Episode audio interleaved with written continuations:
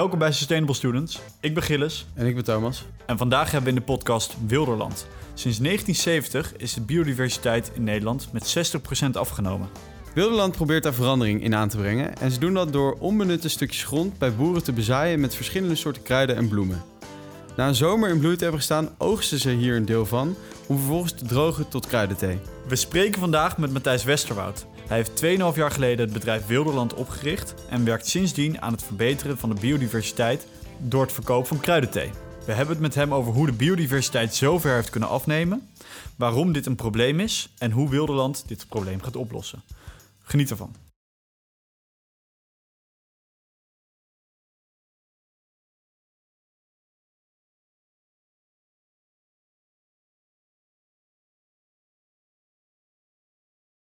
Ja, welkom luisteraars bij alweer een nieuwe aflevering van Sustainable Students. Vandaag met Matthijs van Wilderland.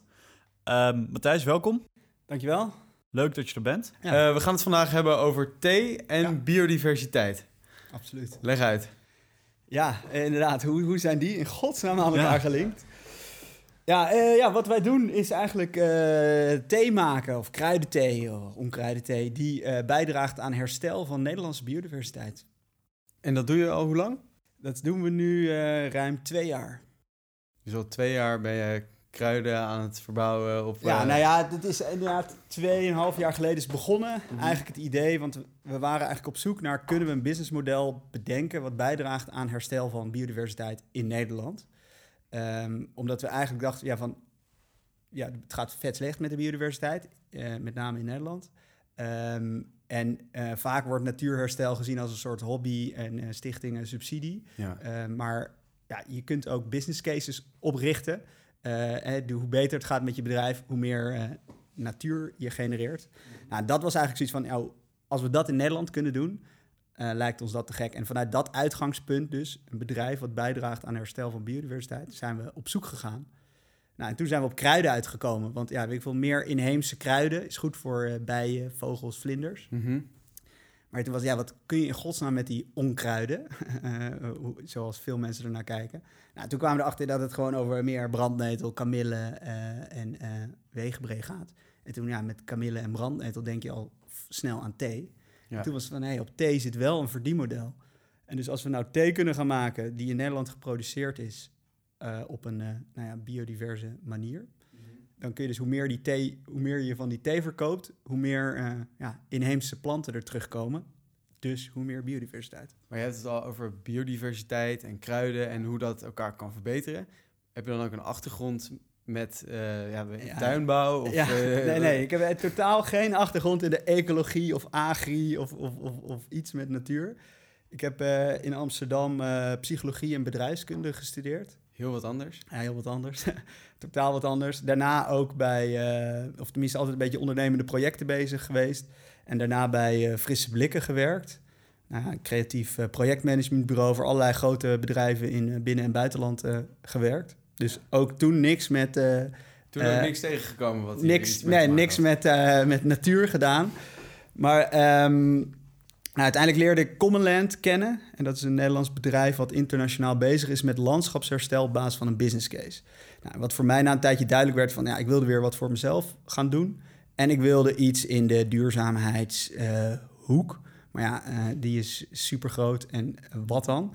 Uh, en ik merkte dat alle ideeën die ik had, als ik erover na ging denken, wat nou als dit een succes wordt? Ben ik dan een probleem aan het creëren of ben ik dan aan een oplossing aan het werken? En wat je ziet is dat bij heel veel duurzame, uh, tussen aanhalingstekens, projecten, dat je eigenlijk als je denkt van ja, wat, hè, als, als de hele wereld dit product zou gaan gebruiken, wordt het, het dan, dan een probleem. Ja. ja. Bijvoorbeeld palmolie was in de jaren 80, werd als mega duurzame plantaardige olie omarmd. Maar ja, totdat de hele wereld palmolie gaat gebruiken, krijg je monocultuur uh, regenwoud gekapt. Nou, en als je een soort van dat gedachte-experiment op heel veel producten of, of, of, dingen loslaat, dan kom je heel snel, ben je heel snel een probleem aan het maken. Um, omdat het probleem vaak, zeker als je met een soort van natuurlijke grondstof werkt, wordt het monocultuur. Omdat je op één plek efficiënter, op, op meer land. Want hoe meer, hoe efficiënter, hoe Ja, goedkoper. hoe goedkoper. Hoe beter de business Precies, case. hoe beter de business case. En, en dan werkt het, want het transport is hartstikke goedkoop. Dus fuck it, eh, transporteert lekker over de hele wereld. Nou, en, to- en dus toen, maar toen kwam ik achter Commonland. Die zeiden, ja, we, je kunt ook business cases maken op basis van waar, waar ook een soort van natural capital gegenereerd wordt, waarbij je dus natuur herstelt.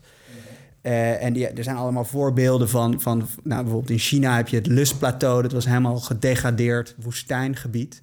En daar heeft de overheid, nou, in een aantal jaar hebben ze dat hersteld. En, en daar zie je dat nou ja, de inkomen omhoog gaat en gewoon het weer helemaal groen is. Oh, nou, als je die, misschien een keertje langs zien komen. ja, nou, en zo heb, dan planten ze gewoon allemaal bomen en... ja, dan ga je weer bomen planten en echt heel, heel structureel kijken van kunnen we die natuur herstellen. Nou, en dan kom je erachter hoe afhankelijk wij als mensen van natuur zijn. Eh, en dat we een, eigenlijk een groot probleem hebben als je dus die natuur eh, uitbuit.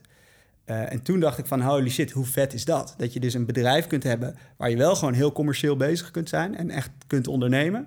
Eh, maar wel met een gerust hart, omdat je zoiets hebt van ja, beter wordt het een succes, want de, het, het soort van, er komt alleen maar meer natuur. Eh, nou, dat was een beetje de inspiratie. En, en toen ehm, nou met Daan, mijn compagnon, die werkte bij Commonland in aanraking gekomen. Toen zijn we eigenlijk gaan kijken van, ja, dat wilden we graag in Nederland. Want je kunt wel, ik veel, in eh, Spanje of, of in Afrika stukken woestijn gaan herstellen. Maar dan moet je er gaan wonen en dan moet je de markt kennen. En nou, wij dachten, ja, we zijn Nederlands, we willen in Nederland blijven wonen. Eh, let's do it hier. Ehm, ehm, even denken, ja, ja. En wat, wat wij we hadden, dus Daan heeft eigenlijk dezelfde achtergrond, ook psychologie en bedrijfskunde. Super toevallig, want bijna niet, of tenminste niet heel veel mensen doen die twee studies. Eh, en wat wij zag, dat, za, al snel zagen, is dat als je in die hele duurzaamheidshoek, zeker de ecologiehoek, zitten heel veel mensen vanuit inhoud erin. Dus als je vanuit inhoud aan een ecoloog gaat vragen wat is goed voor de biodiversiteit, ja, meer inheemse planten en, eh, en boeren moeten stoppen en dit dat, dat. Maar vervolgens dat in de praktijk brengen en daar een, een business case opbouwen, dat, dat, ja, dat lukt Dat niet altijd. lastig, ja. ja. dat is lastig. Dus dat is meer vanuit, eh, vanuit principe dan vanuit, eh, Exact. ja, vanuit een business oogpunt. Ja. En wij hadden zoiets van, en Daan heeft, had ook wel wat een soort van side hustles eh, gedaan. Gewoon altijd een oud student. En we alle twee naast onze studie gewoon een beetje nou, aankloten met eh, bedrijfjes. Eh, ik, wil, ik heb tafels gemaakt van oude bowlingbanen en andere meubels. en van oude dambanden, mesmagneten en zo. Nou, je kunt het zo gek niet bedenken of je kunt er wel een businessje van maken. Dus dat Lekker is klussen. ook leuk om zo Ja, naar de wereld goed. te kijken. Ehm, en dus wij hadden heel snel zoiets, dus ondanks dat onze achtergrond niet in die, in die sustainable agri-eco-hoek zit, wel van, ja, laat ons maar een concept bedenken. Hè, want wij kunnen wel markt vinden. Want we gingen met boeren praten.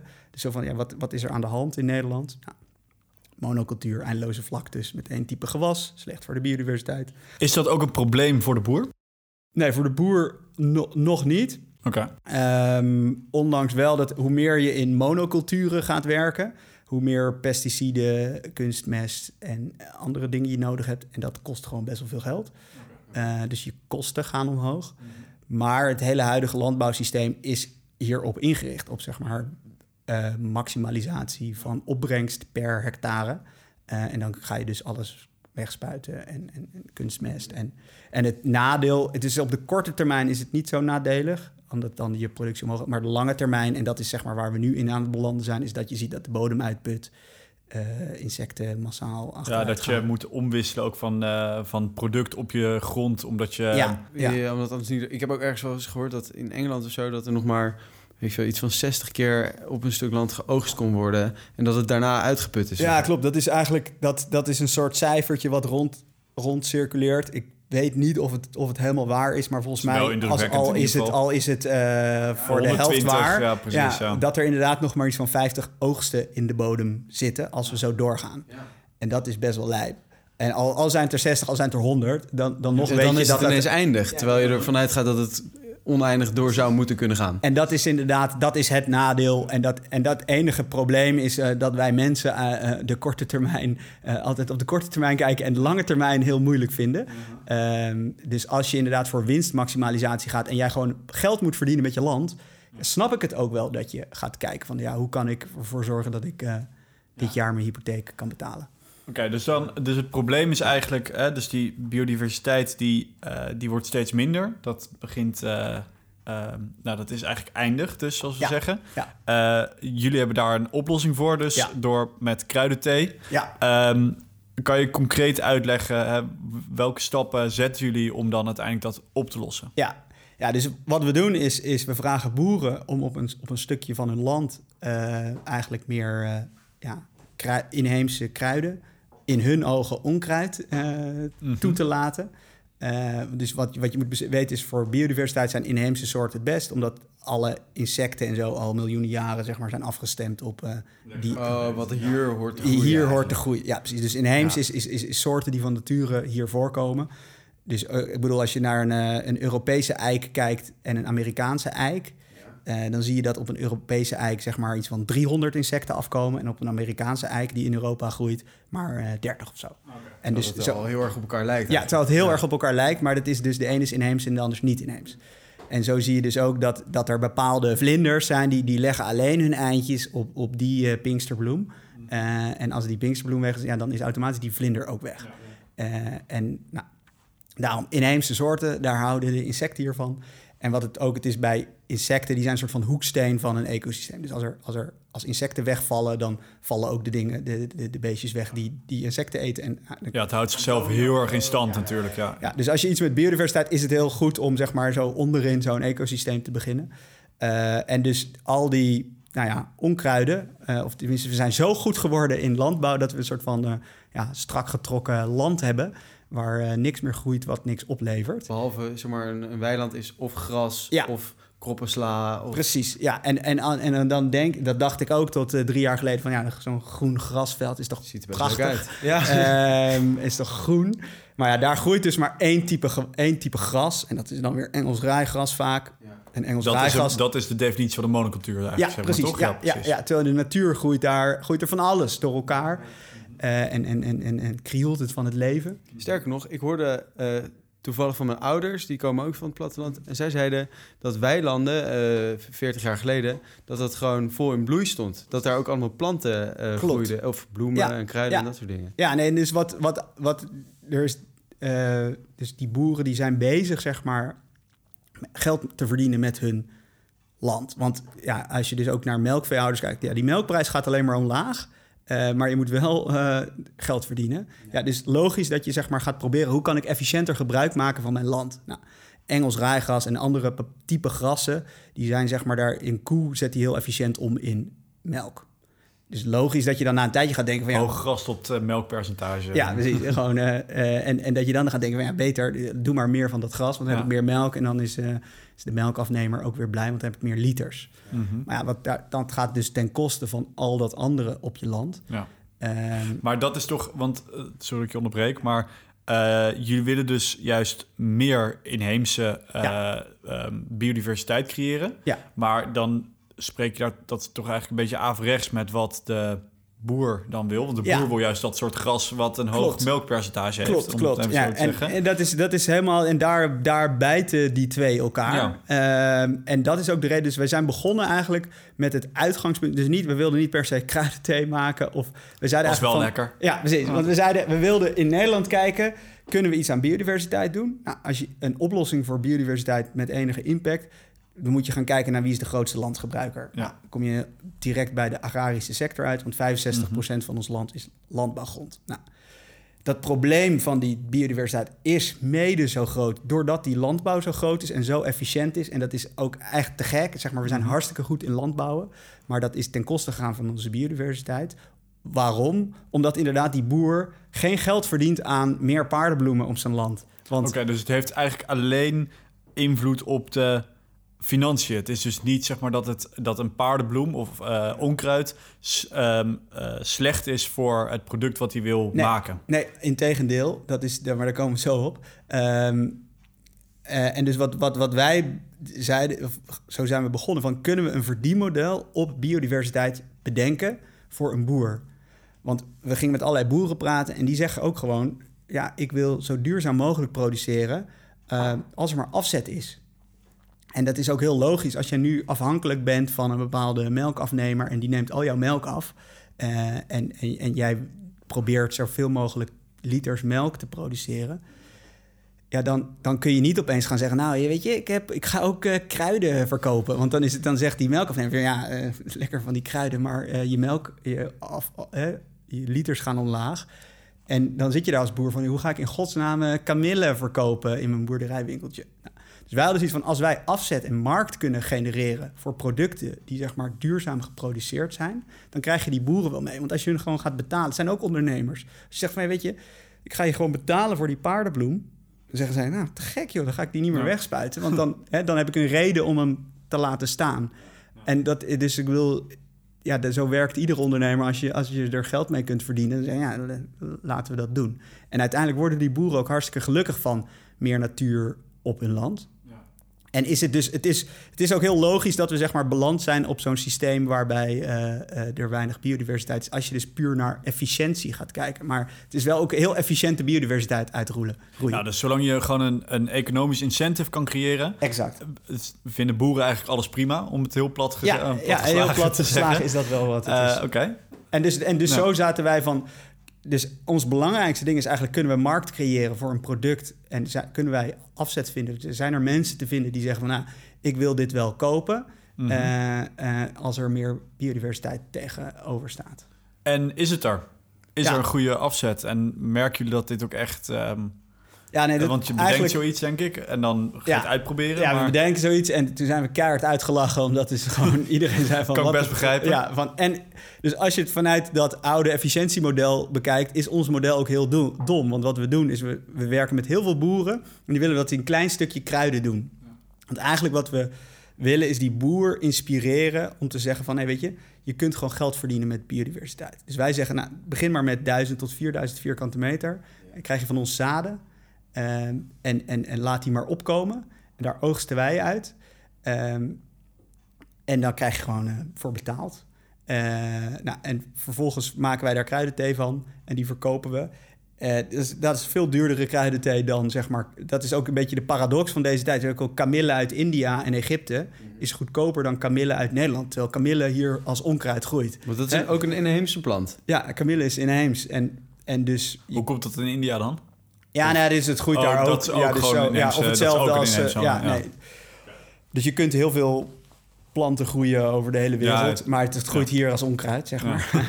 Eh, dus Oké. dat je ook zou zeggen, nou, dus in die zin is het ook makkelijk om het te verbouwen, want je Ja. hebt er geen kas of iets voor nodig. Onkruid verga- vergaat niet, hè? Ja, precies. Zeker. Daarom. De, en wij eh, helpen het weer een handje. Ehm, ja, maar dat, dus dat is sowieso gek aan de, de weet ik veel, eh, lamsvlees uit Nieuw-Zeeland is goedkoper dan lamsvlees uit Texel.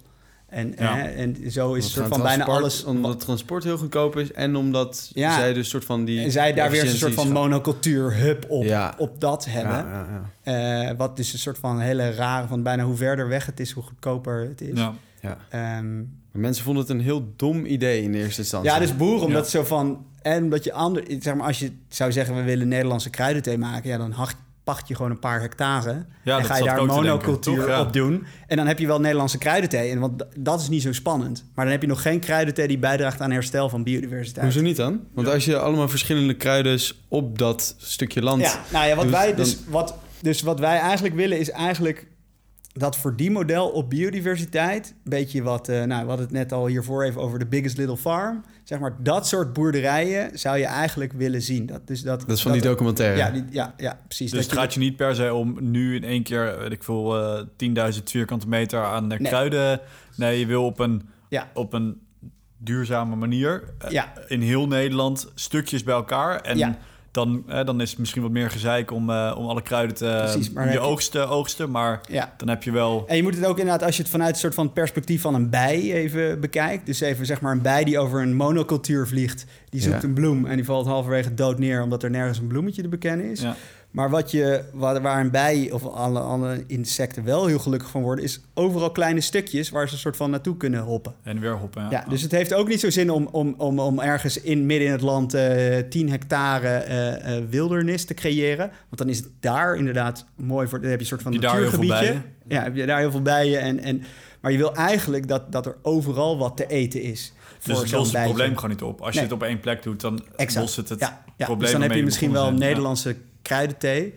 Maar ja, het gaat ons niet eens om zeg maar, de Nederlandse kruidenthee. Juist van, ja, kunnen we dat model van monocultuur kun je dat omturnen naar eh, polycultuur. Ja. En dus naar veel meer diversiteit. Want als dus een boer straks gewoon allemaal verschillende gewassen verbouwt, is dat zeg maar meer biodiversiteit, meer leven.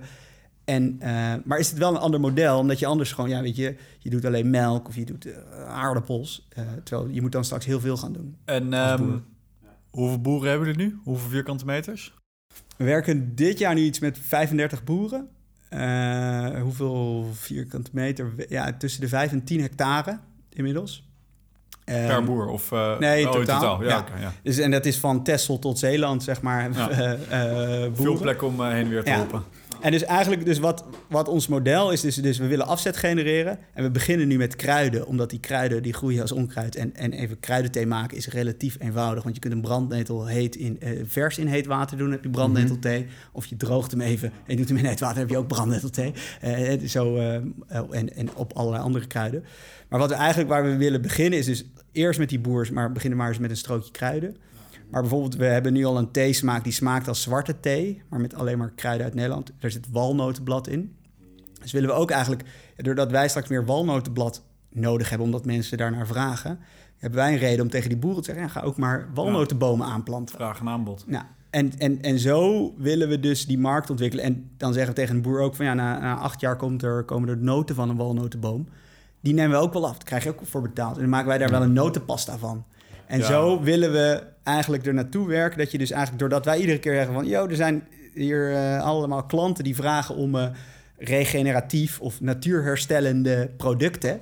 Eh, en dan zegt die ja top, kom maar door, walnoten, En dan kom uit. je eigenlijk weer terug bij waar we het aan het begin over hadden. Is dat, je, dus, dat jullie echt vanuit een bedrijfskant kijken naar een businesskant kijken naar dit probleem. Ja. Waar niet om de rest nadelig tegen de rest zijn, maar de rest eigenlijk heel erg principieel aan het kijken is van oh de biodiversiteit en de, blij, eh, de Ja. bijtjes moeten beter en dat soort dingen. Maar Ja. En dan, ja, dan kun je alleen maar vanuit een soort van de ding. perfecte Ja. scenario kijken, inderdaad. En dan zou je inderdaad alle Ja. steden moeten op, opheffen en, en landbouw Ja, eh, eh, verbieden. En dan, ja, dat is het beste voor de biodiversiteit. Hè? Dan krijg je een soort van ongerepte... maar dat is gewoon onrealistisch. Nee, precies, maar wij moeten... En dus je moet een soort van... In dat enerzijds efficiëntie, kostenefficiëntiemodel... en anderzijds eh, wildernis, natuurmodel... moet je een weg kunnen vinden... zodat je wel redelijk betaalbaar voedsel kunt Ja. produceren... maar misschien niet meer voor de hele wereld. Ehm, En dat je ook... Dus dat je natuurwaarde en economische waarde in balans brengt. En de afgelopen 50 jaar is zeg maar alles op economische waarde gegaan. En is ja, die, die natuurwaarde eigenlijk eh, ondergesneeuwd. En ehm, hoe gaat het dan nu met, eh met bedrijf? Want ik kan me voorstellen, nou oké, als ik het zo goed begrijp, dan Ja. Is eh, hè, hoe groter jullie worden, hoe meer je eigenlijk ook je doel bereikt. Ja. Laten we dan het doel is dus biodiversiteit vergroten. Ja. Maar ehm, merk je dat dat soms toch een beetje kan gaan knellen met eh, groeien en eh, want dat wil je uiteindelijk. Je wil Ja. groter worden, je wil meer afzet gaan, eh, gaan genereren. Ja. Ook misschien dus andere producten. Walnoten, Ja, precies. walnoten pasta over acht jaar, Ja. begrijp ik dus.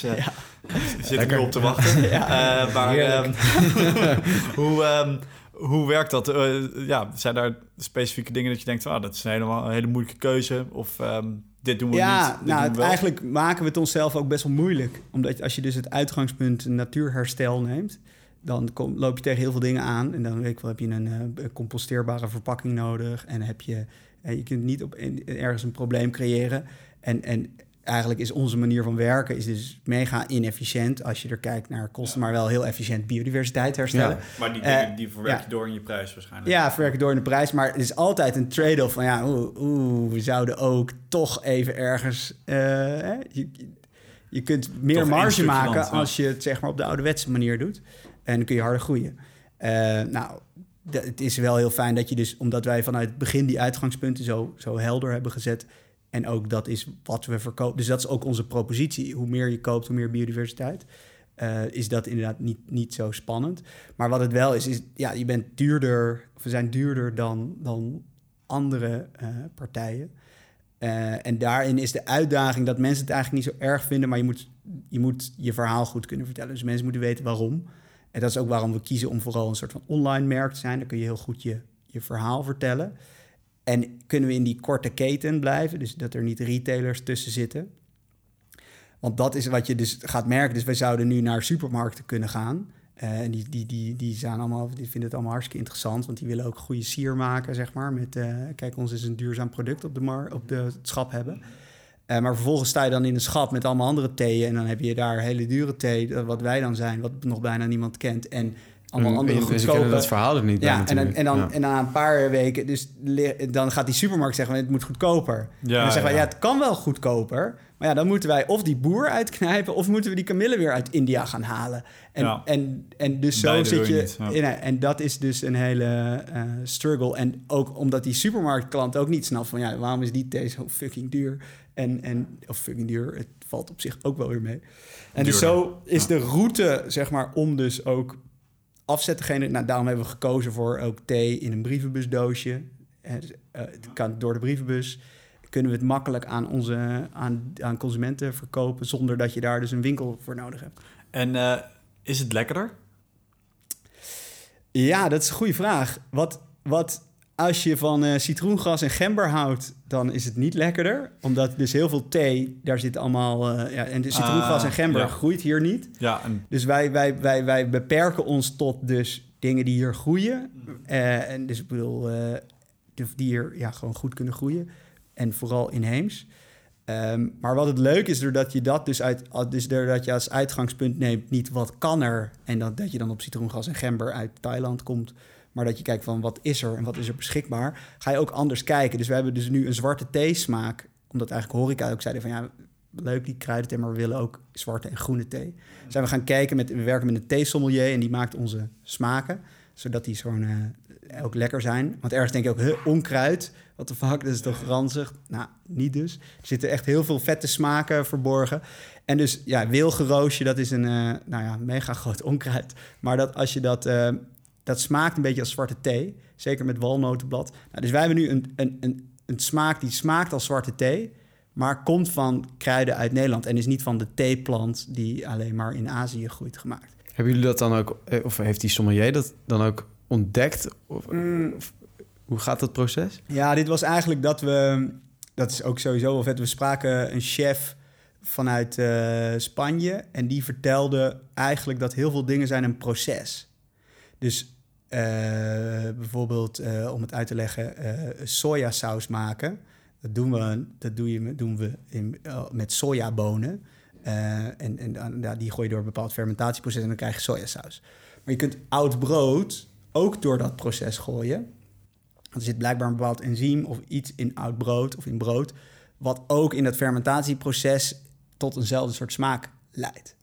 En zo kun je dus ook eh, walnotenblad, maar ook appelblad, nou, wilgeroosje... zijn er bepaalde planten, als je die door ook op een bepaalde manier bewerkt... door het door theebewerkingsproces. het theebewerkingsproces haalt, krijg je Ja, ook want uiteindelijk is thee natuurlijk... als je een vers theeblad in je, in je warme water gooit... dan dat smaakt helemaal niet hetzelfde als... eh, als je Earl Grey Dat zak rauwe je- blad eigenlijk. Ja, het Ja, rauwe ja. blad. Ja, Ja, precies. dus Daar dat- zit, daar, dit is inderdaad geoxideerd, gerold, ge- Ja. gestoomd. Ge, ge- Precies. Dus en dus zo zijn er meerdere wegen naar Rome. En, dus, Ja. er zijn, dus, en dat is dus... Ja, we zijn van eh, gewoon gewend, ja, sojasaus, sojaboon. En dat is, of thee komt van de theeplant. Want ja, de Engelsen hebben thee ooit geïntroduceerd in Europa. En daarom drinken wij nu allemaal zwarte thee. Maar eh, duizend jaar geleden eh, werd er geen eh Earl Grey gedronken. Maar ja, dus als je, dat, als je dus gaat kijken van wat is er en wat kan je daarmee, is bijna interessanter, vind ik. Dus dan kom je ook op andere smaken of, of op een vergelijkbare smaak. Nou, dus ik heb jullie net de, de Holy Smoky gegeven, dat is onze nieuwe smaak. En dat is eigenlijk, je hebt uh, Lapsang Souchang, dat is eh, voor de thee-kenners, dat is een soort gerookte thee eh, van ver. Maar wij hebben ook gekeken, ja, kunnen we dat hier ook? Dus wij hebben berkenblad. Dus eigenlijk hebben we gekeken naar een bepaald gebied in Nederland, Veenweidegebied. Welke soorten groeien daar en hoe kunnen we dat gebied vangen in een theesmaak? Uh, en dat, nou, roken, er werd vroeger turf gestoken, dus we dachten, nou, roken is een vette. Maar dat berkenblad roken we en dan krijg je dus ook een gerookte thee. En dus zo, eigenlijk is het, als je dus gaat kijken van, ja, wat, wat groeit hier goed en hoe smaakt dat? Kun je, ja, misschien, misschien hebben we over een paar jaar wel een hele lijpe thee waarvan iedereen zit van, hey, jeetje, ja, wat, uh, ja, hebben we dit nooit iets zo? wat, uh, wat best populair is in ieder geval bij het eten. Ja. Hè, dat je ziet dat heel veel juist experimenteren met andere ingrediënten en dan maar een ander, uh, ander Ja. proces. Uh, zoals je hè, met dat brood en het sojaproces. Ja. De, dat komt hier dus eigenlijk ook heel erg in terug. Ja, precies. En dus het Het- gaat gewoon ja. over uitgangspunt. Ja. Dus als je uitgangspunt duurzaamheid is en beschikbaarheid en, en, en daarmee automatisch lokaal, dan kom je op andere. Ja. Kom, je, kom je op de holy smoke. Het is holy smoke, Ja, je zeker. zou bijna zeggen dat je door de beperktheid eigenlijk, die Ja. je jezelf oplegt, Exact. ga je gewoon eh, creatiever nadenken over smaken en Ja, dingen precies. en ideeën. En inderdaad, wat we hiervoor was het zo van de sky's the limit, eh, globalisatie, eh, eh, haal het maar van ver. En nu zie je van, dat- ja, dat dat beperkingen heeft. En inderdaad moet je jezelf weer limiteren binnen de grenzen van, eh, nou ja... eh, Je land eigenlijk. Ja, je land of, Ja. of de, de aarde, om het zo te zeggen. En kom je misschien wel op eh, hetzelfde of een veel interessanter iets. Jullie proberen biodiversiteit natuurlijk te verbeteren. Heb je dat ook al, heb je zo'n verbetering eigenlijk al gemeten of zie je veranderingen? Ja, nee, leuke. Of we willen dat heel graag nog meer eh, kwantificeren. Dus mochten er mensen luisteren die met eh, een soort van eh, satellite imaging bezig zijn, eh, want het schijnt hier te kunnen meten vanuit satellieten. Of bijtjes stellen. Bijtjes stellen, maar dan het soort van computer gestuurd. Mhm. Want het is nu nog heel intensief. Contact ons. Eh, maar ehm, Stage bij Wilderland komt eh, online. ja, precies. Maar wat het, wat het vette is, dus we willen dat heel graag kwantificeren. Dus dat je echt zo ziet van. Maar wat we, als we de experts vragen en allerlei onderzoeksbureaus, is van zodra je meer soorten toevoegt die inheems zijn aan een landschap, leidt dat automatisch tot direct. En dat zie je ook dus als je zeg maar in het voorjaar inzaait, nu, eh, april of zo. eh, dan over twee maanden, drie maanden is het, is zijn de, is het meeste opgekomen. En dat is dus ook het vette. Zie je eindeloos veel vogels, insecten, bijen. eh, heel vaak Zie bij je jouw komen. omzet eigenlijk opeten. Ja, ja, ja, dat is zeker zo. Dat moeten we dus ook. Van, ja, je moet een deel laten staan. Want daar Zodat doen we het voor. Ja, dat, als je alles Ja. wegmaait, ja, dan Ja. hebben zij er niks aan.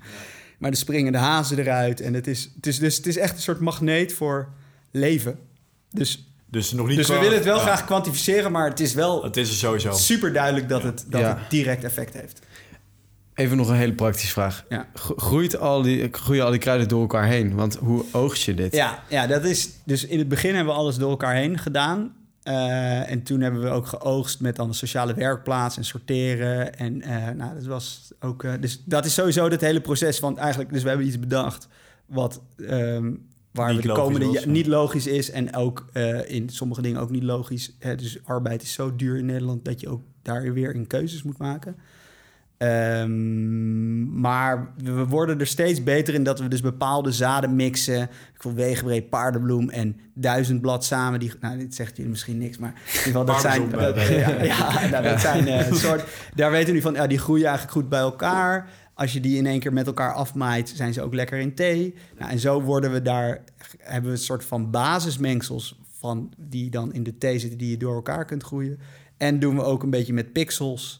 Eh, dus dat is dan weet ik wel eh 10 bij 10 of zo met één type gewas. En daar dan meerdere pixels van. Zodat je dus enerzijds nog wel het kan oogsten, maar anderzijds het wel voldoende eh, diversiteit Dat je niet weer 100 vierkante meter paardenbloem krijgt. Ja. En, geen, en dus weer Ja. monocultuur. Ja, precies. Ja, 100 vierkante meter zijn nog maar eh, ja eh, een paar hectare. Ja, Een paar hectare, ja. Ehm, en dus dat, maar dat blijft die zoektocht. Dus, en dat is waar wij in hopen de komende jaren heel goed in te worden. Is dat je dus enerzijds heel decentraal op he- oogst, op allemaal kleine plekjes. Maar dat dat wel weer op een efficiënte manier kan. En dat je dus ook wel weer een consistent product hebt. Want ook, ja, je zit met seizoenen. En de ene keer is het voorjaar droog en dan komt er niks. Dat hebben we afgelopen jaar ook. Dan zaai je in, droogte drie weken, Ja, eh, zaden opgegeten door vogels. En dan komt er eh, iets anders zegt, op. Heeft dat, hebben jullie daar ehm, ook invloed op? Op die droogte die we de afgelopen jaren natuurlijk gehad hebben in Nederland? Ja, Eh, nou, wat je ziet is dus dat weilanden die, ehm, of eigenlijk monoculturen, altijd eh, kwetsbaarder zijn voor droogte. En dat juist eh, ja, diversiteit. eh, dus je hebt voorbeelden van, van zeg maar één weiland monocultuur, Engels rijgas, en één weiland kruidenrijk grasland, zoals dat dan heet. Zoals het vroeger was. Ja, zoals Vaker, vroeger ja. was. Ja, met, met gewoon eh, leven en soorten en van alles. En dan zie je gewoon een foto. In het midden zie je rechts, zie je gewoon... En dan is het eh, vette droogte geweest, een paar jaar geleden. Helemaal mooi groen. En dus dat is die diversiteit, het kruidenrijk grasland... en die monocultuur helemaal verdord. Eh, en dat is dus...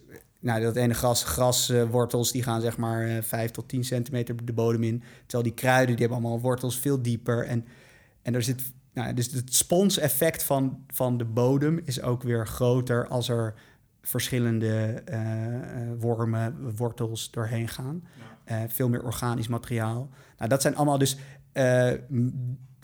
diverse systemen, zeg maar. Of in plaats van monoculturen zijn beter bestand tegen extreem weer. Dus Tegen extreme regenval en tegen extreme hitte. en alle ja, problemen van de klimaatverandering die eraan komen. Maar dat vereist dan wel dat je het echt door elkaar gaat groeien, natuurlijk. Ja, ja dus, en dat is een bepaalde. eh, dus we doen altijd wel ook sowieso een mix. Eh, want ook weer sommige, bijvoorbeeld Venkel, die komt dan weer aan het eind van het seizoen vrij hoog op. Dus die kun je er, kun je weer makkelijk. Nou, dus zoiets, maar het is een super genuanceerde mix van verschillende. Dus ja, die kunnen we prima in een mix doen. En die moet echt wel bij een teler gewoon in een strook. En die moet in, kunnen in pixels. En zo worden wij daar Maar dat is steeds beter in. ongoing, ja, Ja, dat is ongoing ongoing process, ja. eh, om daar beter in te worden. Ehm, en waar het vroeger was gewoon, ja, ja boeien, gewoon eh, een paar hectare en Ja. afmaaien en klaar. En wat is dan je, wat is jullie doel nu? Zeg Ja. Maar als bedrijfsmatig, hè? dus je staat er als business in. Ja. Wat is je doel om nu de komende vijf jaar dan te bereiken? Ja, dus wat we willen eigenlijk is dat we eh, dat het drinken van, van kruidenthee, Nederlandse kruidenthee, die bijdraagt aan herstel van biodiversiteit, dat dat gewoon heel normaal wordt. En dus dat wij over vijf jaar een soort van heel gevestigd normaal eh, eh, theemerk zijn, waarvan iedereen zegt van ja, tuurlijk drink ik dat. En dat je als je iets anders krijgt wel even afvraagt van hé, hey, hoe is dit? eh, Hoezo drink jij nog Lipton? ja, kan echt niet meer. Zoiets. Ja. Of dat je in ieder geval. en dat dat besef rondom biodiversiteit ook wat meer. En dus dat die monoculturen een probleem zijn. En wat we ook. Nou, wat we op de lange termijn hopen is een soort van regeneratieve Unilever. En regeneratief gaat dus over van ja, dat herstel. En dat je dus bij wijze van spreken straks onder de naam Wilderland, maar misschien wel onder andere merknamen gewoon weet van ja, hoe meer ik van dit product koop, hoe, hoe beter, hoe meer herstel En ik dat eh, zijn dan die- genereer. Die Ja. producten zoals de hazelnootpasta, zeg maar. Ja, exact. Dat Ja, dat, dat ja. walnoten, dat dat ja, een beetje zo... walnoot. En, maar en wat we ook zien is wilderlands in het Engels wilderland. Dus we kunnen het ook waarschijnlijk willen we, of tenminste we hebben nu ook al twee Belgische boeren. We willen ook naar het buitenland gaan en willen we niet onze kruiden gaan exporteren. Dus we willen, maar we willen het concept. Ja, ja, ja. Dus dat het en dus dat Altijd als je lokaal. straks over uh, oh Er komt een eend, een eend de studio in. een einde studio in, wat is dat? Ehm, en dus dat je weet wel als je dan eh, ooit een keer op eh citytrip in Stockholm bent, Ja. dat je daar dan ook Wilderland op de kaart Ja. ziet staan in de horeca, maar dat daar dan weer de inheemse so- soorten van daar in de thee zitten. Of in, in Zuid-Afrika. En nou, dat lijkt ons te gek. Dus dat je dus wel een, dus op merk- en bedrijfsniveau echt gewoon ja, top-notch branding en, Ja. en, en, en de marketingtrucken kunt gebruiken die zeg maar nu de, de, de internationale grote bedrijven doen. Maar dat het altijd een lokale relevantie heeft en altijd lokaal eh, bijdraagt aan meer eh, biodiversiteit. Oké. Nou, Eh, leuk. Ja, gaaf. we Ja, ja. de hele weg hoor, dus Nee, ja. moeten maar kijken. Nou, maar, geef, geef het een maandje of vier. Dan, precies, eh, maar altijd dromen. ja, ja, zeker. Heel goed. Ehm, Laten we... naar de recyclevraag gaan. Exact. Dat denk ik ook. We hebben altijd de recyclevraag, terugkerende vraag, dit keer van Esther, die bij Heineken werkt. Yes, en Esther stelde de, de volgende vraag eigenlijk. Eh de brakke land in Nederland is voor het overgrote deel is dat niet biologisch. Dus daar hebben producten op gestaan waar misschien eh, allerlei bestrijdingsmiddelen voor toegepast zijn. Hoe ga je daarmee om? Ja, goede vraag. Nee, dus, ehm, onze thee is niet biologisch, omdat we ook we willen werken met zoveel mogelijk boeren. Dus we willen ook juist eigenlijk met name de meest gangbare boeren ook de kans geven om meer biodiversiteit op hun land te hebben. Eh, dus inderdaad, we, er, er staan kruiden op stukken land waar vroeger pesticiden gebruikt zijn. Eh, nu is het zo dat wij eigenlijk voordat we oogsten testen we of wi- willen we zeker weten dat er op hetgeen wat we oogsten geen pesticiden zitten. Ehm, dus dat die boer niet eh, de week daarvoor gespoten heeft. Als het daar twijfel over is, dan doen we testjes. Dus dat het ook gewoon dat het binnen de voedselnormen is. De- en bij twijfel oogsten we niet. En dan is het gewoon van, eh, nou, goed voor de biodiversiteit, maar eh, jammer Slecht voor de ons. portemonnee. Ja, jammer voor ons. Ehm, dus dat is geen probleem. Ja, dus we testen het heel erg en we zien dat het. Dat het ehm, eh, dus ja, dat er grond waar voorheen pesticiden gebruikt zijn, ja, daar hebben daarvoor ook gewoon voedingsmiddelen op gestaan. Dus het is, het is sowieso niet onveilig. En we zien het eigenlijk niet terug in die test als dat zo is geweest. Je ziet het wel terug in de test als er gespoten is. En dan doen we het niet. Tenzij het eh, toelaat. Maar boeren spuiten nog wel eens over jullie... Nee, nee, dat nooit. Oh, nee, is Want, want als ze over ons dingen spuiten, dan spuiten ze... De, Ja, het is precies. tegen onkruid spuiten, Ja, oh ja, dus dan, dan, dan Dat gaat zou het niet slim zijn. Nee, maar meer als je dus een, een maand van tevoren op iets gespoten hebt, zeg maar. op de, ja. En wat, wat wel om iedereen... Dus dit is echt, zeg maar... eh, er zitten geen pesticiden in onze thee. Want we werken ook heel veel met biologische boeren. Eh, en de gangbare boeren waarmee we werken... die hebben al... Of nou, tot nu toe hebben ze allemaal van... Oh, ik heb daar wel ergens een perceel. Dat is praktisch biologisch. Of, of ik, ik zet het daar. En, ehm, dus ehm, Oké, geen zorgen daarover. gelukkig. Ja. Gelukkig. Ehm, en dan hebben we natuurlijk ook een vraag voor onze volgende gast. En onze volgende gast is Aquablue. En eh, die, ehm, die komen volgende week langs. Die, die maken filters om water mee te zuiveren. Ja, En dat- ze hadden eh, een jaar geleden of zo, een, een tijdje geleden, hadden ze zelfs een project waarbij ze eh, water uit de Amsterdamse grachten binnen 10 minuten tot drinkwater konden zuiveren. Best gehoord. Amsterdamse water is heel goor, maar dat water was drinkbaar. Ja, Eh, en zij, halen, eh, zij filteren dus kraanwater eh, en dus schijnbaar ook grachtenwater. En daarmee halen ze microplastics eruit, maar zorgen gewoon dat het water zuiver is. En daardoor hoef je bijvoorbeeld ook geen flessen water meer uit de supermarkt te kopen. Ehm, en wij zijn heel erg benieuwd naar jouw vraag voor hen.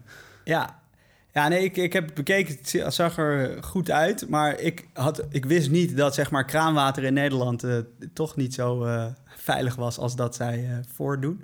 En ik had zoiets van, wow, ja, oké, ik wil heel gezond kraanwater drinken. Alleen vond ik persoonlijk de, de filter nog wat duur. Dus ik vraag me af van, stel dat je de Aquablue nog te duur vindt. Wat zijn dan de tips om toch verantwoord kraanwater te kunnen drinken? Volgens mij, ze, ze richt zich heel erg op Nederland en dan een waterfilter. Denk ik, ja, oké, ik dacht dat we heel goed drinkwater hadden in Nederland. Blijkbaar niet, maar eh, Zijn met aardigskunde leren Wat, ook altijd. eh, wat moeten we doen? Een soort van, moeten we ons zorgen maken als we een doppertje met wa- kraanwater vullen? Eh, eh, of, of moeten we dus een Aquablue en een dopper kopen? een goede Dus, vraag. eh, we gaan het eh, eh, over twee weken van ze horen. Zeker. Ehm, en dan had, zei het net al een beetje. Jullie zijn op zoek naar iemand die, eh, eh, die met eh, Python eh, kan uitrekenen hoeveel bijen daar over jullie eh, grond... eh, Precies. Nee, maar ehm, we proberen altijd voor de luisteraars een ehm, stageplek of iets in de richting als die er zijn aan te bieden. Hoe, ehm, hoe zit u daar? Zijn jullie op zoek naar mensen of Ja. nog niet en in de toekomst? Nee, dus we hebben eigenlijk nu permanent in ieder geval twee stagiairs. of stagiaires rondlopen. die van een half jaar. en dus er zijn regelmatig eh, vacatures voor stageplekken. Dus eh, als je denkt van ja, ik vind het vet, ik wil mee, hier aan meewerken, laat het weten. Ehm, en eh, ja, misschien binnenkort ook. We hebben nu iemand in dienst. En misschien dat we einde van het jaar nog wel een vacature hebben. Dus hou, wat dat betreft hou ons in de gaten. Goed om te weten is wel dat we qua stage wel een soort van echt meewerkstages. Het is wel, wel hands-on, niet heel analytisch, maar gewoon get shit done. Get shit Eh, done, heel goed. En eh, wat, wat dat op die dag mag zijn. En natuurlijk zoeken we naar een mooie opdracht. En, en, en inderdaad, het, het kwantificeren van die impact, dat vinden we wel heel interessant. En hoe kunnen we, ehm, nou ja, misschien wel met eh, technologie, eh, ja, die, eh, die impact op biodiversiteit in kaart brengen. Dus als er mensen zijn die daarmee werken, laat het weten. En ook als je geen vacature ziet of vindt en je wel het vet vindt, mail gewoon, want of we bedenken iets of, of, of we mailen je als er wel een vacature is. Mooi. Nou goed. Dus eh, als jij enthousiast wordt van, eh, van dit, dan eh, laat het zeker weten. Kijk op sustainablestudents.nl of stuur even een mailtje en dan kunnen we je in contact brengen. Ehm, Matthijs, heel erg bedankt. Ja, jullie ook. Heel leuk, leerzaam gesprek. En ehm, ja, voor de luisteraars, eh, tot de volgende keer. En eh, dankjewel voor het luisteren. We gaan een theetje zetten. We gaan een theetje zetten. Joe. Heb je nou vragen over het onderwerp of aan ons? Of heb je een suggestie voor een nieuwe gast voor bij ons op de show? Laat het ons weten via de website, Insta, LinkedIn, wat je maar wil. Tot volgende keer.